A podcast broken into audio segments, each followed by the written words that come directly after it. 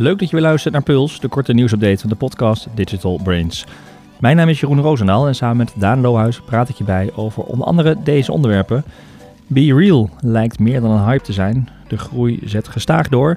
Twitter kondigt een lang gewenste edit-knop aan. En 40% van Gen Z opent Instagram, TikTok of andere social media uh, juist om te zoeken naar lokale diensten. Zoals bijvoorbeeld een plek waar je kunt lunchen. En dus niet Google. Maar wat betekent dat? En uh, onderzoek bewijst, misschien wel opnieuw, maar stoppen met branding kost flink aan omzet. We bespreken dat zo meteen. Maar eerst gaan we het hebben over een nieuwe feature die Google aan het testen is. Een uh, quick slash 5 minutes read label in de zoekresultaten. Op zich niet per se heel shocking voor campagnes en voor performance, maar wel goed om te weten dat, uh, dat ze daarmee bezig zijn. Uh, Google wil gaan proberen om in de zoekresultaten dan ja, eigenlijk aan te geven hoe lang een artikel lezen is. Oh ja. En dat gaat ook wel invloed hebben op je CTR, want ik ben wel benieuwd. Uh, hè, ze geven nu aan een quick read. Er zijn eigenlijk twee testen gezien uh, dat ze erbij vermelden: quick read of uh, het is minder dan vijf minuten. Hm.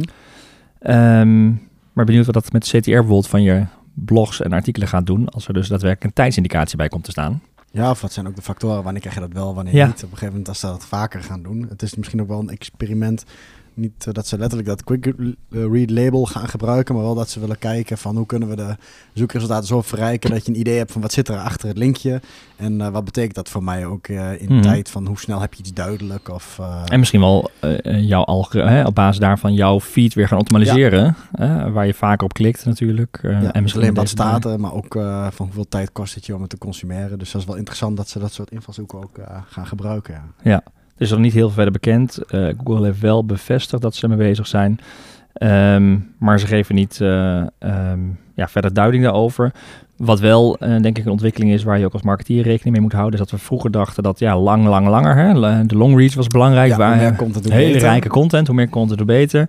Maar Google zegt hiermee eigenlijk ook van korte, maar wel nuttige inhoud kan heel goed uh, scoren in Google Search. Ja, wat een beetje misschien een gat is tussen die, uh, uh, dat je die, ik ben de naam vergeten, hoe heet het ook weer, dat je zo'n snippet bovenaan krijgt. de, de rich snippets? Ja, ja zo'n feature, feature Feature snippet, ja. ja exact. Ja, dat, Wij achter, dit is het antwoord. Ja. Zit natuurlijk ook tussen, wat tussen een long read en een featured snippet, maar dus de compactheid van je antwoord uh, speelt natuurlijk meer met de nuttigheid. Dus ja. ik denk dat, dat, uh, dat ze dat ook wat proberen te sturen. Ja, en die content, de brei waar je soms doorheen moet uh, om tot de essentie te komen. En dan zie je echt dat het is geschreven voor Google. Ja. Maar Google optimaliseert dus nu ook naar, naar kortere content. Ja. Um, nou ja, de test is er, conclusies zijn er nog niet. Dus wanneer het doorgevoerd en of het daadwerkelijk ook doorgevoerd gaat worden, dat, um, dat weten we nog niet. Um, maar wel goed om even rekening mee te houden. Ook, ook in het creëren van je content. Je hoeft dus niet alleen maar lange content te maken.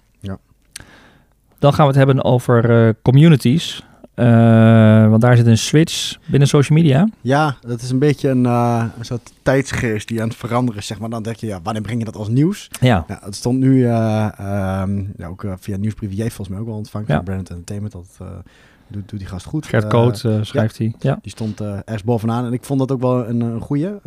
komt, de bron is de Washington Post. Ik heb een heel artikel over geschreven. Hoe influencers steeds meer bewegen naar... die ook echt eigen communities gaan krijgen op andere platformen. Ja. Dus dat ze, en dat zie je natuurlijk met de trend ook, dat het eigenlijk social media steeds minder social volgers wordt. Dat Mhm. eigenlijk mm -hmm. meer een soort entertainment platform wordt. En hey, je bent afhankelijk, je, je, content, je post wat, maar het wil niet zeggen dat mensen je dan per se volgen. Je bent afhankelijk, nee, je bent afhankelijk van het algoritme. Ja. Wat, dat, dat, dat doet een slag over jouw content. Exact, dat ja. volgen maakt er nog steeds minder uit. Wat Ja. je ziet is dat alle, uh, dat veel influencers, en hè, dat heeft ook gevolgen voor hoe je marketing doet, of ook hoe je als bedrijf in de social media staat. Natuurlijk kun je adverteren, maar voor organische content, wat het dus, uh, het, het, ja, het volgers krijgen, boeit eigenlijk steeds minder. Mm -hmm. uh, natuurlijk, de content die moet presteren in, in de feeds en algoritmes, dus je moet aanslaan.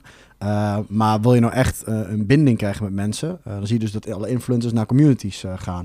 En daar, dat is al langer binnen Facebook groups of groepen op LinkedIn, dat soort dingen. Maar wat je dus ook ziet is dat je steeds meer ook op Discord of... en, en ik, Ja. ik zal eerlijk zeggen, ik ken het platform niet eens. Geneva heet dat. Uh, waar je echt inderdaad een beetje à la Clubhouse, maar zo chatrooms uh, bouwt. Ja. En je ziet ook steeds meer dat influencers er ook uh, trekken naar chatgroepen, Telegram Ja. groepen, die Ja, ook heel, heel groot populair. zijn. Jij Ja. ziet misschien ook wel een één of Ja, twee. zeker. En wel meer. Ja. waar ja. je inderdaad ja, een, een, een, een, iemand kan echt kan volgen of het nieuws of het een soort inside lane krijgt, zeg maar. En waar Dus nog echt een gewoon een chronologische feed is met reacties erop en dat soort zaken. algoritme en dat Ja. soort dingen. Dus, En ik heb zelfs wel eens gezien dat influencers eigen apps eh, gaan bouwen en Ja, daar de community een je eigen, platform. eigen, platform gaan Donald. Trump is een bekende Is een van. bekende dat sowieso, ja. is geschaft. Maar Ja. eh, nee, je hebt ook die, die, die, die ach, dat heb ik laatst een keer ook in een, in een podcast gehad, die Yvonne Koolwij of zo, zo'n Ja. is dat. Ja. Die heeft ook betaald dan zo'n eigen inside groepje, zeg maar, waar dan andere dingen in worden gepost. Andere roddels dan in het hoofdkanaal, zeg maar. Ook een verdienmodel aan het worden. Maar het is wel grappig dat je die, die shift ziet naar communities en dat dus minder echt op het platform zelf alleen plaatsvindt, maar dat er dus ook andere Ehm, of een platform waar je de content op zet. Mhm. Dat je dus inderdaad voor elkaar krijgt als influencer, misschien ook als organisatie, om een community te gaan creëren rondom je merk of je beleving of je dingen. En dat is En- breder dan alleen maar een e-mail, nieuwsbrief bijvoorbeeld. Maar echt waar je interactie hebt ook eh, Ja. met elkaar. Ja, en heel erg bij elkaar leert kennen. Ja. Hè, Het wordt bijna een soort vriendengroep. Maar ook wel ehm, weer nog meer de uitdaging dat mensen nog versnipperder en nog onzichtbaarder op het web rondgaan, zeg maar. Ja, waar inderdaad social media ook voor marketing heel goed Ja. te volgen is. Natuurlijk als je de eigenaar bent van een merk, kun je het allemaal wel zien. Want dan ben je onderdeel van de conversatie als het goed is. Ja, is Dan- het jouw, is het jouw dat publiek. je onderdeel bent van je eigen community. Uh, maar het is van buiten veel moeilijker te zien en, en te volgen. En het zal ten koste gaan van tijd op andere platforms. Ja. Dus ehm, eh, ik vind nu al hè, dat je bijvoorbeeld in de hele gamewereld zie je gewoon echt eigen communities ontstaan. En die mensen zullen veel minder in de Ja. algemene platform zijn, waardoor ze moeilijker te bereiken zijn. Ja, dus dat het meer een soort eh, ja, kiosk wordt waar je doorheen kunt scrollen op Instagram of op TikTok. Maar Ja. dat als je echt iemand gaaf vindt of leuk vindt volgt, dat het op andere platformen. Dus je ziet er een soort scheiding in ontstaan. En dat vond ik wel noemenswaardig. En eh, in het linkje wat ook in de show notes zal staan van de Washington Post, ontleden ze dat eigenlijk ook aan de hand van een aantal voorbeelden. En dus zo'n app als Geneva, als je er meer over Hm. weten. Het is nog niet groot genoeg, denk ik, om hier helemaal uit te leden. Maar dat eh, speelt daar dus echt op in, ook op die trend. Dus... eh, eh, en ook denk ik als merk of als marketeer eh, is het de community gedacht. Het is natuurlijk Ja. iets meer werk dan puur even wat volgers krijgen. Ja. Maar het is, is wel veel intiemer Ja. eh, en, eh, en, en waardevoller, denk ik uiteindelijk. Dus, eh, Ja, ik zit echt, nee, ik heb het niet van tevoren dit artikel gelezen, maar je deelt heel hard ja, veel te denken. Want het wordt moeilijker, maar je moet als, als brand misschien ook dus meer gaan aansluiten op owners van zo'n community om mensen te bereiken. Dus de partnerships ontstaan, maar het wordt veel diffuser wie je wilt bereiken. Wat mag je ervan verwachten? En je, kwaliteit en relevantie wordt veel belangrijker dan maar gewoon push eh, Ja. doen naar een... eh, En ook de keuze van het platform. Ik bedoel, het is niet zomaar van je doet Hoe even vind je ze? een volger op het platform waar je al bent. Eh, ik bedoel, Discord heb ik ook wel eens geprobeerd. Er wel een paar groepen, maar het is niet iets wat ik dagelijks gebruik. nee, LinkedIn groepen, ja, is ook een beetje, voelt me voor mij als drie jaar geleden, zeg maar, Mhm. dat dat echt heel actief was. Maar ja, ik, ik weet zeker 100% dat de mensen heel actief zijn. Maar het is niet zo universeel als een Instagram. Nee. Of eh, YouTube, iets anders. eh, kanalen die je Telegram volgt. kanalen zit ik ook wel in. Daar ken ik dan wel echt, zeg Ja. maar. Als, eh, draag ik actief in bij. Dat is wel leuk. Maar ja, het is allemaal inderdaad wat jij zegt, diffuus. Het is Ja. niet meer een standaard draaiboekje. Maar dat maakt Nee. het ook wel leuk. ja zeker. Nee, dat maakt leuk. En het gaat denk ik nog meer om kwaliteit en relevantie. Dus dat is een, een goede ontwikkeling. Ik moet zeggen, bij het volgende bericht dat we gaan bespreken, voel ik me toch wel langzaamaan oud worden. Ah. Ik weet niet hoe het met jou zit, maar als ik op zoek ben naar een restaurant of iets, dan ga ik nog gewoon naar Google. ja. Maar dat, is niet, eh, dat geldt niet meer voor eh, nieuwere generaties. Nou, nou, ik moet zeggen, ik moest er zelf twee keer naar kijken. Ja, is eigenlijk wel logisch. Als ik naga, als ik het hier aan andere mensen vraag, intern die wat jonger zijn, die zouden zeggen, 40 gaat nog 60% dan naar Google. Oh als ja, je een goed ja, restaurant wil vinden, weet je wel. Dat doe je toch niet? Nee. Kijk nog op Instagram in, je, in de buurt of weet ik veel wat. Vind je andere plekken voor inspiratie? Of, Maar dat is eh, eigenlijk het onderzoek. Hè? Er zijn, eh, eigenlijk verschuift het van eh googlen naar social media om daar je ja, inspiratie te vinden voor een goed restaurant. Ja, wat was ook een beetje het nieuws? Waar komt het vandaan? Stond ook op TechCrunch dat bij een, een, een, een Fortune van het blad Fortune, of van Mhm. het blad van Fortune in de US, was een Googler aan het spreken. Eh, in afgelopen juli was het volgens mij. En die noemden zo even losjes van, nou, het, onderzoek bewijst dat eh, als we Gen Z online zien, eh, dat 40%, dus inderdaad, als je zegt van, goh, heb je nog een leuk tentje om te eten of zoek je Ja. wat lokaals, wat doe je dan? Dat 40% antwoordt van, nou, ik ga kijken op TikTok of Instagram. Hm. Dus dat hij ook zegt van onze zoekresultaten en ook in Maps, al die producten hebben flinke concurrentie eigenlijk te ondervinden van dat soort platformen. En je ziet dat die Gen Z op een hele andere manier ook eh, zoekopdrachten doet. Die is Ja. niet meer gewend om dan de locatie te specificeren en dan iets van een naam of een, een- gewoon te zoeken op restaurant. Die is veel visueler. Die wil, wil gewoon eh, als wij eerst een maaltijd zien en dan past het adres. Ja, ja, ja. Eh, dus die oriënteren gewoon heel anders. Die zijn ook geen fysieke kaarten meer gewend. Nee. Zeg maar, dat hele idee van een kaart. Het hoeft niet eens meer. Puur, nee. Ja. Dus eh, hij zegt, daar zijn we heel erg mee bezig, ook in productontwikkeling. Van hoe gaat die nieuwe generatie die niet die achtergrond heeft van een zoekmachine, hoe gaan we die beter bedienen? Mhm. Dus daar komt ook alles bij elkaar met dat ze meer visuele content in search gaan gebruiken dus. ja. Zodat je weer bij Dat is een restauranten trend die we al van, eh, zagen. de maaltijden en de content. En dat is ook voor marketeers belangrijk. Dat je dus niet alleen maar je adres en even je dingetje op Google Nee. My Business hebt staan bijvoorbeeld. Uh, maar je nieuwe publiek wil vooral ja, visuele ja, aspecten. visueel. Uh, laat zien wat je kookt, wat je maakt. Als je een lunchroom bent, maar ook als je andere lokale Ja. dingen, belevingen, of je bent een centrum met events, of je bent een retailer als het ware. Ja. Dat je ook gewoon uh, de, de fotografie en dat soort dingen goed hebt.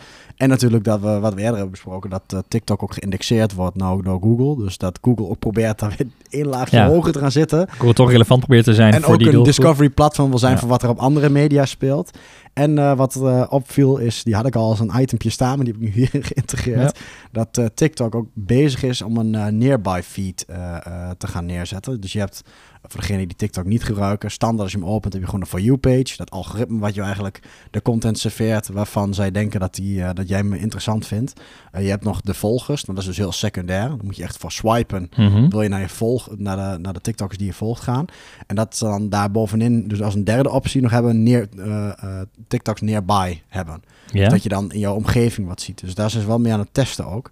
Dat ze, maar dat is nu in Azië. Uh, dat dus hè, voor uh, zoeken. Uh, dat, dat je dus ook ja, TikToks in de buurt kunt kijken. En ik weet zeker dat het ook al was toen vroeger nog Musical.ly, Musical.ly heette. Ik kan me nog herinneren dat ik de app voor de allereerste keer gebruikt. Dus de dat ook van zat, TikTok. Ja? Dat het ook kon. Dat ik nog een keer heb gekeken van hey, iemand uit Weerselo. Dat wil je zien. Zeg maar. En ja, toen zag je ook wel wat, wat lokale dingen. En dat, toen was het heel rauw. Dus waarschijnlijk hebben ze het daarom eruit gehaald. Ja. Want ja, locatie is niet per se relevantie. Maar ik denk wel het algoritme plus iets lokaals. Plus iets zoeken. Ja. Je zegt restaurants Die en dan lokaal. Dat dat best, uh, uh, ja. Of ook bij toeristische bestemmingen. Dus dat is wel iets uh, ja, waar dit ook in, als trend in doorgaat. Hm. Interessante ontwikkeling. En Dus, ja, voor, ook als weer als marketeer goed om over na te denken. Dat ja, zeker ook Gen, Gen Z. Precies. kant gaat het op. je bent niet zelf je referentie, dat is je Nee, doelgroep ja. uiteindelijk. En ja, pas je daarop aan, beweeg daarin mee. Ja. En dat voelt ook een beetje bij uh, Be Real, moet Ja. ik zeggen. Ik zat even net terug te kijken. We hebben hem in Puls 44, dat was op 26 april, hebben we hem volgens mij besproken. Getest, samen getest. Uh, ja. een, een reeltje gestuurd. Ja. Zeg maar, hoe je het ook, uh... En toen dacht ik nog van, nou ja, oké, okay, gaat dit al wat worden? En um, ja, wat heb je eraan? Maar uh, inmiddels, ik merk het zelf ook wel, dat hier ook collega's uh, gebruiken het. En uh, ik zie je in één keer op een bepaald tijdstip alle iedereen, ja, pak nou een telefoon. Ja. Misschien even een recap van wat, ja, wat is was. Ja. Voor degene die het niet heeft gevolgd of de aflevering in april niet heeft gehoord. Het is een nieuwe app, hè? Ja, ja het is nie nieuw. Het is eigenlijk al twee jaar oud. Mm -hmm. Maar het is dit voorjaar begon het op een gegeven moment te groeien. Dus ja, met double digit growth, zeg maar. Alleen nog niet dat half Nederland het had.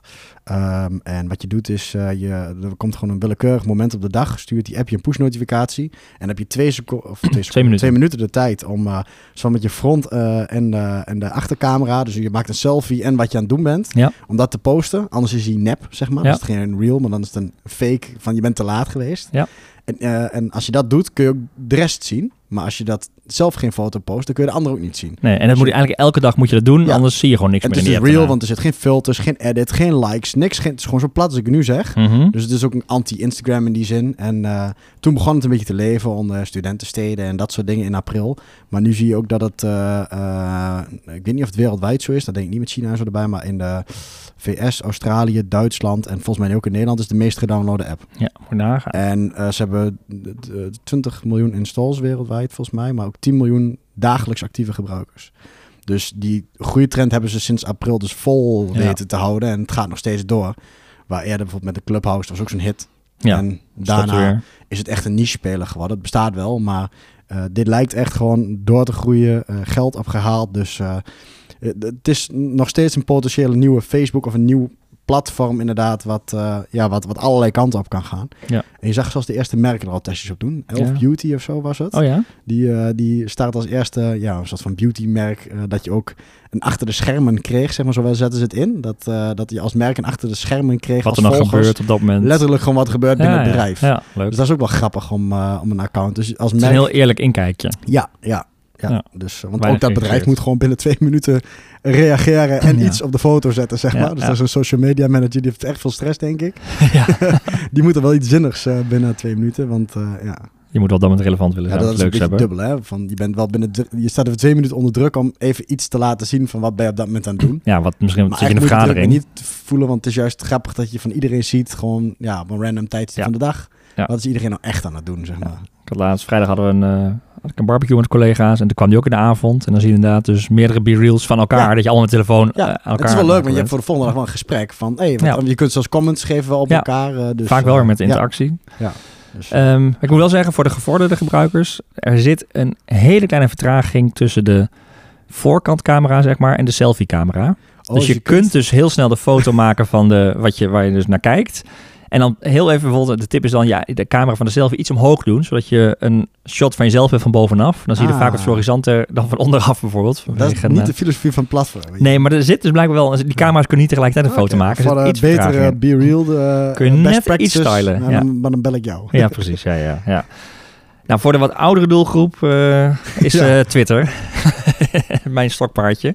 En natuurlijk nog steeds eh, actueel. En je kunt ervan zeggen wat je wilt, maar ze blijven stabiel. Ja. Ze blijven toch relevant. En als je praat over Still going strong. ja, nieuws en, en eh, actualiteiten, dan wordt vaak Twitter als bron aangehaald. dus daar eh, eh, nou, Blijf blijft je relevant. niet te veranderen. Nee, maar even, waarom die dus hier Ja, een plekje ja. verdient. Hè? Het is nog steeds een platform dat je niet moet onderschatten. Ehm, en eindelijk, dat is echt een lang eh, gekoesterde wens. eh, Van jou of van de rest? nou, van, het hele, van, alle, nou, van de community van Twitter, zeg maar, iedereen die daar zit, dat je een tweet kan editen. Maar dat kan dus niet eh, bij Twitter. Ook een beetje van het Je Be kunt hem Real. even verwi- even verwijderen kan wel, toch? Verwijderen kan wel. Ja, toen Corveve, toch? Van, ook over Donald Trump gesproken.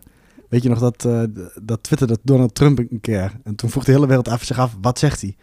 En toen, ja, gewoon zo'n woord. gewoon woord erin gezet. Ja, en toen was waarschijnlijk in slaap gevallen. Oh ja, vanwege. Twitter. Het werd het gepost, ging het hele internet van... Wat hij? Wat is het? Wat zal het Geheime zijn? boodschap Allemaal- van Trump. Ja, precies. Waarschijnlijk gewoon in En zijn slaap in zijn broekzak heeft hij getwitterd. En toen is het verwijderd, maar hij kon Oh, ja. niet meer editen. Nee, je kunt niet meer editen inderdaad. Nou, dit zou eh, ook Trump kunnen redden dan. Eh, maar er komt een edit-knop. Maar wat wel interessant is, is dat natuurlijk eh, Twitter draait meer dan welk ander platform denk ik ook rondom nieuws en ook fake nieuws. Ja. Eh, bijvoorbeeld waar daar veel plaatsvindt. Dus je kunt tweets editen. Dus de uitdaging bij Twitter was wel van ja, oké, maar dan kun je het aanpassen. En dan, hè, dan klopt de discussie Ja, eronder niet meer. Of retweet en dan verander je de boodschap en dan Ja. is iedereen in één keer... eh, heeft iedereen fake nieuws retweet. Dus je kunt, er blijft wel een soort van... eh, dat je terug kunt zien dat het een bewerkte tweet is en dat je ook eerdere versies terug kan zien. ah, je hebt... eh, Dus je ja. krijgt wel dat je echt de revisierondes ziet, zeg maar. Hm. Ehm, maar ehm, het editen zorgt in ieder geval voor dat er bijvoorbeeld ook nou ja, typo's of zo uitgehaald worden. Ja, Of net een die niet nuance. Linkjes die, die, die, die het niet doen, dan moet je hem nu opnieuw posten en verwijderen. En nou, dat je net soort dingen, dat soort dingen kan corrigeren. Ehm, en het, ja, het voelt een beetje binnen de Twitter-community als de First World Problem, zeg maar, dat dat niet kon. En eh, Elon Musk had eh, in april nog een, eh, een polletje uitgedaan van do you want an edit button op Twitter? Want hij was natuurlijk Ja, hij wou het kopen. hij wou het nou niet kopen. meer. Nou, niet meer. Maar het, eh 74% zei toen op bijna op meer dan, ja, meer dan 4 miljoen stemmers, zei 74% eh, ja, we willen een edit button. Ja. Ze zijn hem aan het testen. Eh, hij is nu nog voor betaalde gebruikers. Want blijkbaar is dat wist ik ook niet, voor Twitter een betaald account ook nog, waar je wat meer in kan en mag.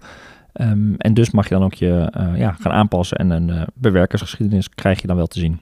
Ja. Dus het lijkt er nu echt eindelijk aan te gaan komen. Dan naar branding. We hebben het er vaak over dat we ook hier binnen ons eh, werk binnen AdWise van Ja. wat is nou ehm, het effect van branding en ja, hè, ze zeggen wel eens anticyclisch ook campagne gaan voeren, Ja. juist als het eh, eh, wat tegenvalt de economie dan gaan doen, want dan heb je alvast een voorsprong op de rest. En die 60-40 regel hier altijd propageren, die toen ooit onderzoek... Tussen is brand en performance Ja, bedoel je? Ja. Van eh 60% in... eh Oeh, nou weet ik hem even. Hou ik hem niet door de war. 60% is eh, volgens mij performance, performance en 40 brand, denk ik. Ja. Andersom. Ja. Wow. Nou, gaan we ons huiswerk beter doen nu ik het zeg, raak ik in één keer in de war.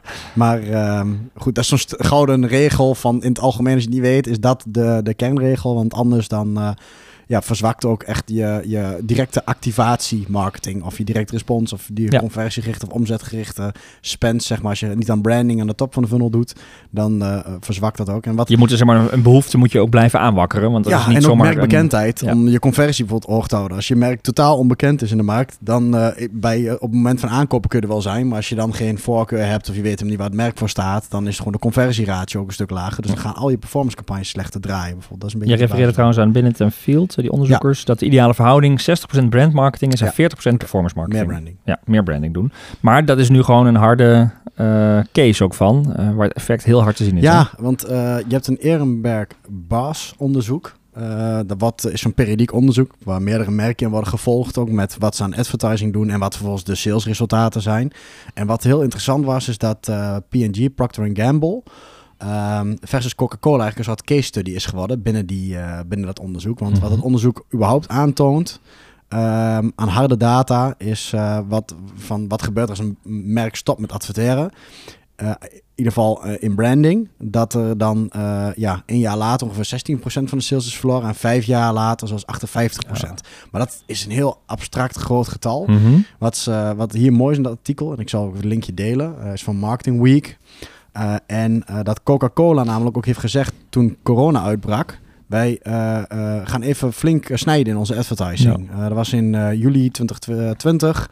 Zeiden we besparen 30%. En ze hebben wel grappige dingen gedaan. Volgens mij ook wel benoemd. met een beetje op de AR, AR en dat Ja. soort dingen. Allemaal mooie content gemaakt. Maar echt in de massamedia zeg maar, hebben ze echt flink teruggeschroefd. Terwijl P&G juist zei. Van Procter Gamble. Procter Gamble met alle wasmerken, dat soort dingen.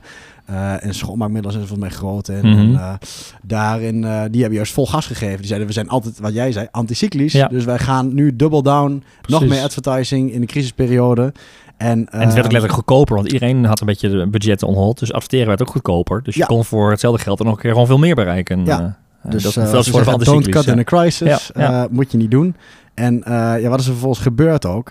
Ja, je ziet dus echt ook terug dat Coca-Cola flink is gezakt. En P&G dus eh, eh, enorm is gegroeid. Dus Hm. het, het bewijst nog maar een keer dat, eh, dat, ja, dat dat inderdaad een verstandige tactiek Ja. of strategie is van, van een Procter Gamble. Want even kijken, in dit geval bij Coca-Cola bijvoorbeeld. Ehm, ik heb niet exacte groeigetallen bij de hand, maar wel is te zeggen dat ze 5% eh, eh, hebben marktaandeel verloren aan Pepsi in dit geval. Ja, precies. Ja. En oh nee, ja, dus in, in totaal ze hebben een volledige eh, daling van 11% in Hm. 2020 gehad. Ja. Onder de streep Coca-Cola. Terwijl eh, Pepsi 5% is gestegen, dat is het. ja, dus je ziet Ze hebben de, verschuiving. verloren. Ja, Ja, terwijl. Procter Gamble 4% eh, dat jaar ook is gestegen, blijkt het onderzoek. Dus Ja, dus de, de, Ehm, eigenlijk zou kunnen zeggen, de branche groeit. Coca-Cola daalt. Dat is het gevolg van hun eh, staken van brand. En ja, want eh, Pepsi groeit wel. Dus je kunt niet zeggen het is de frisdrankmarkt, Nee. het algemene. Het is ook fast moving consumer goods, allebei. Groeit dus ook, het is, ja. zijn een soort peers van elkaar. Ja. En, eh, en ja, en plus het wordt onderschreven door al die andere onderzoeksresultaten, zeg maar. Maar dit maakt het heel tastbaar met concrete voorbeelden. Dus eh voor Ja, een en- interessante onderbouwing ook voor eh, ja, ook eh, de branding investeringen die je doet. Ja, en dat is, blijft lastig, hè? want op korte termijn bespaar je gewoon je mediabudget. Ja. En dat voelt als nou ja, een slimme keuze. Extra winst. Ja, de resultaten komen vaak niet uit een brandcampagne. Die komen juist uit andere type campagnes. Hè? Meetbare En, echt meetbaar ja. resultaten. Dus, dus ja, het voelt al een beetje waarom doen we het. Ja. Maar zo zie je wel dat het, het heeft gewoon lange termijn effect. Dus het is een strategische keuze om ja, Uiteindelijk is het wel niet, eh, meetbaar. Uiteindelijk is het meetbaar, maar dan, ja. Ja. dan wordt de pijn eh, Ja. komt wel heel laat, eh, inderdaad. Ja. Interessante studie gaan we toevoegen ook aan de show notes. En die vind je op uh, advice.nl slash podcast of in je favoriete podcast app kun je ook de show notes bekijken. Heb je tips, vragen, reacties, leuke ideeën? Laat het weten via podcast.advice.nl en blijf op de hoogte door je te abonneren op deze podcast in je favoriete podcast app of bijvoorbeeld via Spotify of YouTube. Voor nu weer heel erg bedankt voor het luisteren en graag tot de volgende aflevering.